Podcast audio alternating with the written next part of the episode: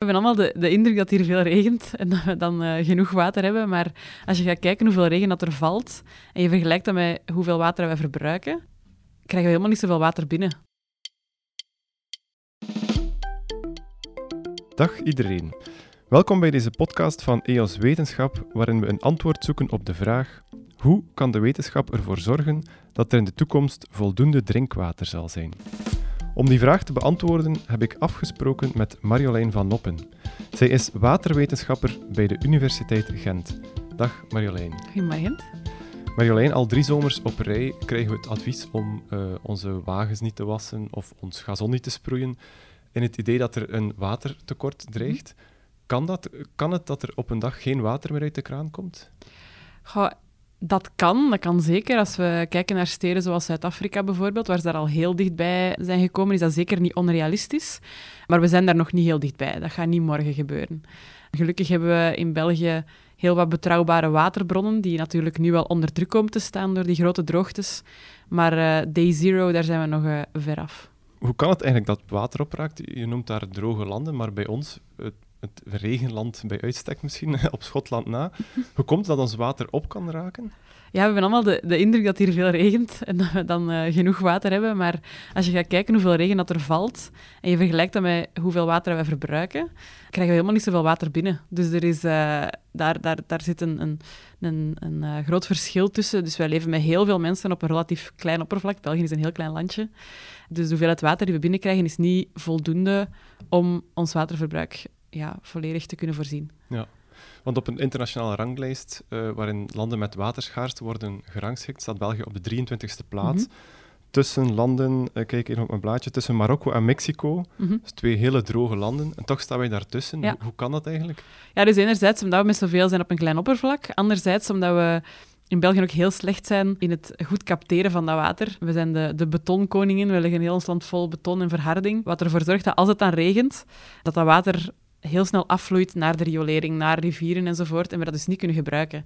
Moest die betonering er niet zijn, moest die verharding er niet zijn, dan, dan kan dat water veel beter incijpelen in de grond en onze grondwaterreservoirs gaan aanvullen. Het water dat nu uit onze kraan komt, dat komt dan uit het grondwater of, of waar komt het precies vandaan? Wel, in België um, komt ongeveer de helft van ons kraanwater uit grondwater en de helft van ons kraanwater uit oppervlaktewater. Dus die grondwaterbronnen zijn heel belangrijk. Maar ook die oppervlaktewateren zien natuurlijk af van de droogte. Die worden niet alleen gebruikt om drinkwater uit te produceren, maar ook voor um, scheepvaart. Dus als die te droog komen te staan of die niveaus komen te laag staan, dan krijg je een competitie tussen moeten we dat gebruiken voor drinkwater, moeten we dat gebruiken of moeten we ervoor zorgen dat dat niveau hoog genoeg blijft voor schepen. Um, natuur zit daar natuurlijk ook vanaf als het te droog is en, en rivieren droog komen te staan. Dus je hebt daar heel veel uh, belanghebbenden die, die allemaal dat water voor verschillende redenen willen gebruiken. Um, en dat is wel iets dat natuurlijk uh, heel belangrijk wordt als we meer in droge periodes komen. Waar komt ons water dan nu vandaan? Welke weg legt het af tussen de bron van het water en onze kraan? Er is een groot deel van ons water komt uit grondwater en de rest komt uit um, oppervlaktewater. Dat wordt voorzien door uh, een aantal grote drinkwaterbedrijven in, in, um, in België en in Vlaanderen. Uh, als je wilt weten wie jouw drinkwater voorziet, gewoon op je drinkwaterfactuur kijken. Dan gaat daar uh, de watergroep of Faris of iemand anders op staan. En die pompen dat water op en dan gaan die dat behandelen voordat dat uit onze kraan komt. Als je kijkt naar grondwater, heeft dat niet zo heel veel behandeling nodig.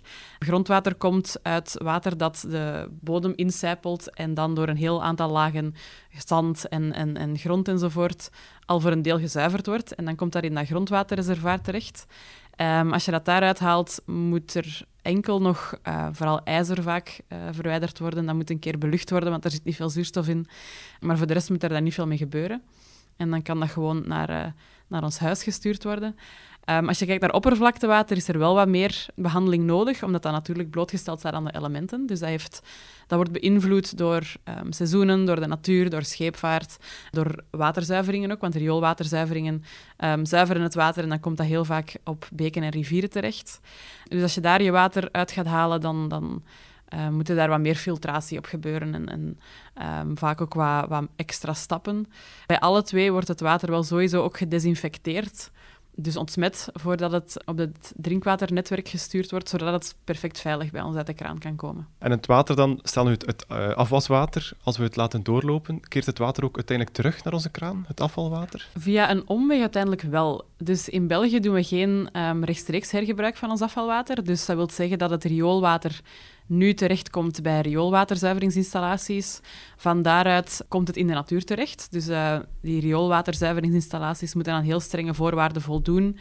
Uh, moeten dat water zuiveren tot een kwaliteit die geschikt is voor de natuur. Dus dan komt dat in het, uh, het natuurlijke watersysteem terecht, um, via beken, via rivieren. En um, uit die rivieren en kanalen maken wij natuurlijk wel ons drinkwater. Maar wij gaan niet rechtstreeks uit een rioolwaterzuivering het water gaan uh, sturen naar een drinkwaterzuivering. Dat doen we niet. Aan de kust hier in België, um, aan de intercommunale water... Uh, het intercommunaal waterbedrijf, denk ik, Veurne Ambacht, uh, rond Kokzijde, daar doen ze wel aan indirect hergebruik. Dus wat ze daar doen, is het um, gezuiverd rioolwater van Aquafin. Dus na hun zuivering nemen zij dat um, binnen. En dan gaan ze dat eerst behandelen door het door een filter te sturen. Dan infiltreren ze dat in de duinen. Dus dan komt dat ook in een natuurlijk grondwaterreservaat terecht. En van daaruit onttrekken ze dat om dan drinkwater van te maken. Uh, dus dat is dan indirect hergebruik van ons afvalwater, maar rechtstreeks gebruiken we dat nog niet voor drinkwater. Ja. Kan die recyclage efficiënter? Kunnen we daar meer water terug mee verdienen? Langs de ene kant kunnen we technologisch perfect dat uh, afvalwater gaan hergebruiken voor drinkwater. Dat gebeurt ook al, niet in België, maar um, bijvoorbeeld in Namibië gebeurt er al 50 jaar. Um, dus dat kan. En dan, um, het enige dat je dan doet, is eigenlijk die natuur gaan bypassen. Dus je gaat niet meer via een rivier of een, een kanaal gaan. dus het kan perfect. Waar we wel rekening mee moeten houden, is dat je geen... Je, creëert geen water bij. Onze zoetwatervoorraad is eindig al het gezuiverd afvalwater dat we niet meer naar de natuur sturen, maar voor drinkwater gebruiken, ja, dat komt dan niet in rivieren terecht die voor scheepvaart gebruikt worden. Dat gaat niet meer naar de natuur om daar eerst te gebruiken. Dus onze hoeveelheid zoetwater gaan we daar niet mee verhogen. Dus de impact van die droogte blijft nog altijd hetzelfde. We kunnen er wel efficiënter mee omspringen, maar we gaan de hoeveelheid niet verhogen. Op festivals hoor je soms het verhaal van we gaan, ons, het, de, de urine van de festivalgangers hergebruiken als drinkwater. Mhm. Zit, zit daar toekomst in om, om die systemen op grotere schaal te gaan uitbouwen? Ja, wat het, het interessante vooral is aan die urine, is dat daar um, de belangrijkste componenten in die urine zijn vaak niet het water, maar um, de, de nutriënten, de voedingsstoffen die daarin vervat zitten. Dus als je kijkt naar rioolwaterzuivering, een heel groot deel van de nutriënten die daartoe komen, komen uit urine. Dus als we die urine apart zouden opvangen en apart kunnen behandelen, kunnen we daar veel efficiënter die nutriënten uithalen en die bijvoorbeeld terug gaan gebruiken in de landbouw.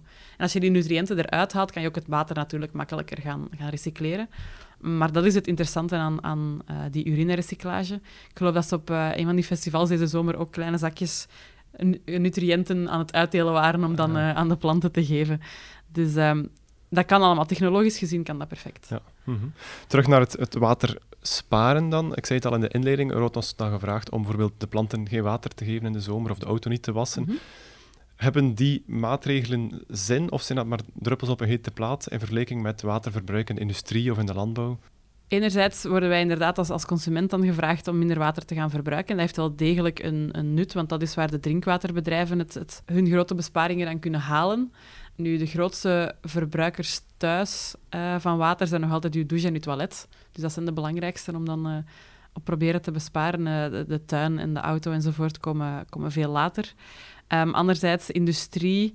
Um, industrie verbruikt heel veel water. Um, in België is dat, denk ik, van het totale waterverbruik ergens rond de 20 procent.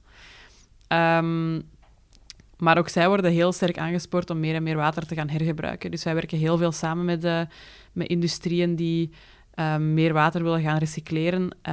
En ook zij krijgen te maken met die droogte, want ook zij worden beperkt in de hoeveelheid water dat ze mogen oppompen uit dat grondwater bijvoorbeeld, uit dat oppervlaktewater. Dus er zijn meer en meer ook grote industriële um, bedrijven, denk maar aan de BASF in Antwerpen bijvoorbeeld, die aan het kijken zijn naar hun, het hergebruik van hun eigen afvalwater of hergebruik van water dat uit andere processen vrijkomt en, en het veel efficiënter maken ook van hun, hun koelwatersysteem bijvoorbeeld, waar heel veel water naartoe gaat. Um, dus het is een en-en verhaal. We kunnen niet we gaan niet alles oplossen door als consument te besparen, maar we hebben dat ook wel nodig om samen dan met de industrie en de landbouw ehm, een, een zo efficiënt mogelijk watersysteem te creëren. Ja. Je zei, we kunnen al meer water besparen uh, bij de douche en het toilet, uh, veel meer dan, dan bij de auto en uh, de tuin. Denk je dan aan het, het, het, gebruik van het badwater om de planten water te geven? Of wat, wat bedoel je dan precies? Goh, douchen in plaats van een bad nemen is al een heel grote ja. eerste stap. Daar bespaart je al tientallen liters um, water mee. Ook, en dat is misschien meer persoonlijk dan iets anders, maar je moet echt niet elke dag douchen. Er is geen enkel onderzoek dat uitwijst dat dat beter zou zijn voor je gezondheid, uh, integendeel zelfs. Er zijn ook al heel veel mensen die voor toilet en, en ook wasmachine bijvoorbeeld, dat is dan de derde grote verbruiker, uh, regenwater gebruiken. Um, dus dat is weer het efficiënter maken van, van die kringloop en ook het vermijden van zuiveringen die helemaal niet nodig zijn. Je hebt voor uh, toilet en, en wasmachine niet zo zuiver water nodig. En dan inderdaad, in de zomer zeker, hè, als je dan toch denkt van ik wil mijn planten graag water geven, zet een, een klein tijltje in je, uh, in je wasbak. Als je groenten spoelt of zo, dan kan je dat water perfect gebruiken voor je planten. Met je douchewater ga je een beetje moeten opletten. Um, als er daar zeep in zit, is dat niet zo goed voor je planten natuurlijk. Maar als je aan het wachten bent tot dat water opwarmt en je vangt, dat koud water op, kan je dat perfect gaan gebruiken voor planten of voor iets anders. Is het een oplossing dat uh, de overheid mensen oplegt om water te putten, putten te installeren, uh, om zoveel mogelijk hun eigen water te gaan voorzien. Uh, maar bijvoorbeeld bedrijven ook, dat die verplicht worden om reservoirs aan te leggen, uh, landbouwers om grote spaarbekkens aan te leggen. Ja, um, voor een stuk zijn we daar al mee bezig. Als je nu een nieuw huis bouwt of je verbouwt een huis, moet je regenwaterput steken. En je moet die ook gebruiken. Dus je moet verplicht voor minstens één toepassing dat regenwater gebruiken. Um, dat is zeker interessant. Uh, ook in de industrie kijken we meer en meer naar wat we dan water fit for use noemen. Dus dat wil gewoon zeggen dat we niet meer naar één waterkwaliteit gaan. Dus je hebt niet drinkwater nodig voor alles. Hadden het daar net al over die huishoudens die perfect regenwater kunnen gebruiken. Je zou dat ook op veel grotere schaal kunnen gaan doen. Um, en bijvoorbeeld op wijkniveau of op stadsniveau um, reservoirs gaan aanleggen, ondergronds bijvoorbeeld, om regenwater op te vangen en, en dan uh, veel efficiënter te gaan gebruiken. Maar dat kost natuurlijk heel veel geld, omdat de infrastructuur moet aangepast worden. Uh, maar op die manier kan je veel efficiënter omspringen met de bronnen die we hebben, omdat je daar regenwater kan gaan gebruiken voor toepassingen waar je eigenlijk geen drinkwater voor nodig hebt. En zo ontlast je weer voor een stuk die, uh, die drinkwaterzuiveringen. Um, maar feit blijft dat we daar nog altijd geen extra water mee gaan creëren. We gaan wel efficiënter omspringen met water dat binnenkomt. Dus heel veel van het regenwater dat nu afspoelt, ga je wel kunnen gebruiken voor het dan in de natuur terechtkomt. Um, maar de totale hoeveelheid water die we ter beschikking hebben, blijft wel hetzelfde. Ja. Je zegt, we, we, kunnen er geen extra water mee creëren. Kan dat wel op een andere manier? Kunnen we meer water beschikbaar maken? Um, dat kan, uh, want nu kijken we vooral enkel naar uh, bronnen van zoetwater. Dus denk aan rivieren en grondwater enzovoort. Um, een optie om meer water bij te creëren is om te kijken naar zeewater. In heel veel droge gebieden die geen oppervlaktewater, geen grondwater ter beschikking hebben, ontzouten ze al tientallen jaren zeewater om aan hun uh, drinkwatervraag te voldoen. Um, naarmate dat we meer en meer geconfronteerd worden met droge periodes, zal dat waarschijnlijk ook hier in België en in andere landen in West-Europa een must gaan worden om ook naar daar te gaan kijken om, om die drinkwatervoorraden aan te vullen. Ja. ja, want het lijkt zo simpel. De, de Noordzee alleen al is al zo groot, de oceanen zijn nog veel groter, nog veel meer water. Mm -hmm. uh, waarom is het zo moeilijk om daar water uit te halen, drinkwater uit te halen? Ja, dus inderdaad, er is, er is ongelooflijk veel zoutwater. Ongeveer 97% van al het water op heel de aarde is, is zoutwater. Uh, waarom is dat zo lastig? Wel, ik denk dat je zelf ook al wel een keer zeewater hebt binnengekregen. Het grote probleem daarmee is dat daar heel veel zout in zit. Um, dat is niet alleen niet lekker, dat is ook gewoon niet gezond. Wij zijn daar niet op voorzien. Ons lichaam kan daar, kan daar niet mee om. Um, dat is een beetje ja, dezelfde insteek als, als uh, dat te veel zout eten niet gezond is. Uh, dat zou je bloeddruk beïnvloeden enzovoort. Ja, als je zout water gaat drinken elke dag, heeft dat hetzelfde effect. dus dat, dat, zout moet eruit. Um, maar er zit heel veel zout in. Um, in een liter zeewater zit ongeveer 35 gram zout. Dus dat is hetzelfde zout als dat je in je keuken gebruikt. En om dat eruit te halen, heb je heel veel energie nodig. Dat zout, dat zijn kleine moleculen. Dus je kunt niet zomaar elke filter gebruiken om die er te gaan uithalen. Dus oftewel moet je water gaan koken, bij, bij wijze van spreken. Ja, het is eigenlijk ook echt wel koken, maar je speelt ook met andere um, parameters. Oftewel moet je dat door een heel, heel, heel fijne filter gaan sturen. Nu, dat koken, je kan je voorstellen, als je dat water moet opwarmen, kost dat heel veel energie. En die hele fijne filter, dat lukt wel, maar dan moet je daar heel veel druk op zetten om dat water erdoor te duwen. En die twee zorgen ervoor dat dat ongelooflijk veel energie kost. Alles samengenomen, ehm, we, worden, we krijgen vaak van die doemberichten van, van er komt op een dag geen water meer uit de kraan. Mhm. Ehm, die, die kans bestaat als we niet besparen of niet water, geen water beschikbaar maken. Maar hoe zie je het zelf evolueren? Denk je dat we, het, dat we er wel komen? Ehm, ik denk het wel, maar dan moet iedereen... Ik, ik geloof heel sterk dat als iedereen gewoon een beetje zijn best doet, dat we al een heel grote stap vooruit gaan, gaan zijn. En we moeten er ook heel hard bij stilstaan dat de waterproblemen die we nu zien, of de, de scenario's waar we nu tegenaan lopen, dat de belangrijkste oorzaak daarvan niet is dat we te weinig water hebben, maar dat, dat de belangrijkste oorzaak klimaatverandering is. Uh, door klimaatverandering gaan we veel meer die grote periodes van droogte, die extremere weersomstandigheden tegenkomen. Um, dus er is maar één manier om echt te gaan vermijden dat we in dat, scenario terechtkomen. En dat is niet alleen efficiënter omspringen met de waterbronnen die we hebben, maar er ook voor zorgen dat die klimaatverandering niet uit de hand loopt. Ja. Je doet ook zelf je best om mensen uh, erop te wijzen dat we met een waterprobleem zitten, of waterschaarste. Je geeft heel veel voordrachten. Wat leer je daaruit? Wat zijn zo wat de, de grootste vragen die er zijn rond water? Um, ik leer daar vooral uit dat er heel vaak nog uh, heel veel vooroordelen leven rond ons kraanwater. Um, en dat heel veel mensen ook niet weten waar ons water vandaan komt, uh, wat de mogelijkheden zijn. Um, heel vaak als ik mensen vertel dat drinkwater maken uit zeewater perfect kan, dan uh, zijn ze daar heel verbaasd over. Dus heel veel mensen weten niet um, ja, wat er allemaal kan met water en onderschatten ook de, de waarde ervan.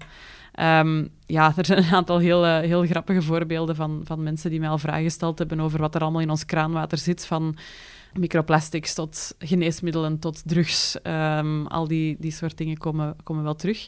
En het is ook natuurlijk begrijpelijk dat mensen zich daar zorgen over maken. Um, we weten dat als, als kraanwater niet gezond is, ja, dan, dan ga je daar niet van drinken. Dus als je daarover uh, over twijfelt, dan ga je niet je kraanwater gebruiken. Maar in België is ons kraanwater perfect veilig. Uh, wordt op heel veel parameters heel streng gecontroleerd. En ik zou graag die boodschap toch ja, verder willen verspreiden en meer mensen willen aanzetten om kraanwater te gaan drinken. Ja. Ja, want het blijft wel een feit dat heel veel mensen verslaafd blijven aan die plastic flessen, mm -hmm. aan plasticwater. Ja. ja, die plastic flessen zijn natuurlijk heel slecht voor het milieu. Enerzijds uh, moeten die aangemaakt worden. Daar is, voor plastic te maken heb je heel vaak aardolie nodig. Um, dat heeft een bepaalde uh, CO2-uitstoot die daarmee gepaard gaat. Um, voor een liter um, flessenwater uh, is de CO2-uitstoot 500 keer groter dan voor een liter kraanwater bijvoorbeeld. Uh, voor één liter flessenwater te maken heb je ook drie liter water nodig, gewoon om die flessen uh, te kunnen maken. En nadat we dat gebruiken, ja, dat plastic moet ook ergens terecht komen. En, en we horen nu veel meer over de grote problemen met plastic die in het milieu terechtkomen, in de zee terechtkomen en daar allerlei pro problemen veroorzaken. En via dat systeem natuurlijk ook weer in ons netwerk terechtkomen. langs de andere kant um, dat flessenwater moet ook van ergens komen. Dat is ook heel vaak uit natuurlijke bronnen, zoals grondwater, waar wij ook ons drinkwater uit maken. Dus op zich is er daar niet zo heel veel verschil. Mm -hmm. Je werkt ook aan een podcastreeks mm -hmm. rond water. Ja. Uh, wat is daar de bedoeling? Um, in die podcastreeks wil ik echt um, met de mensen zelf ook in gesprek gaan en, en zien wat de vragen zijn.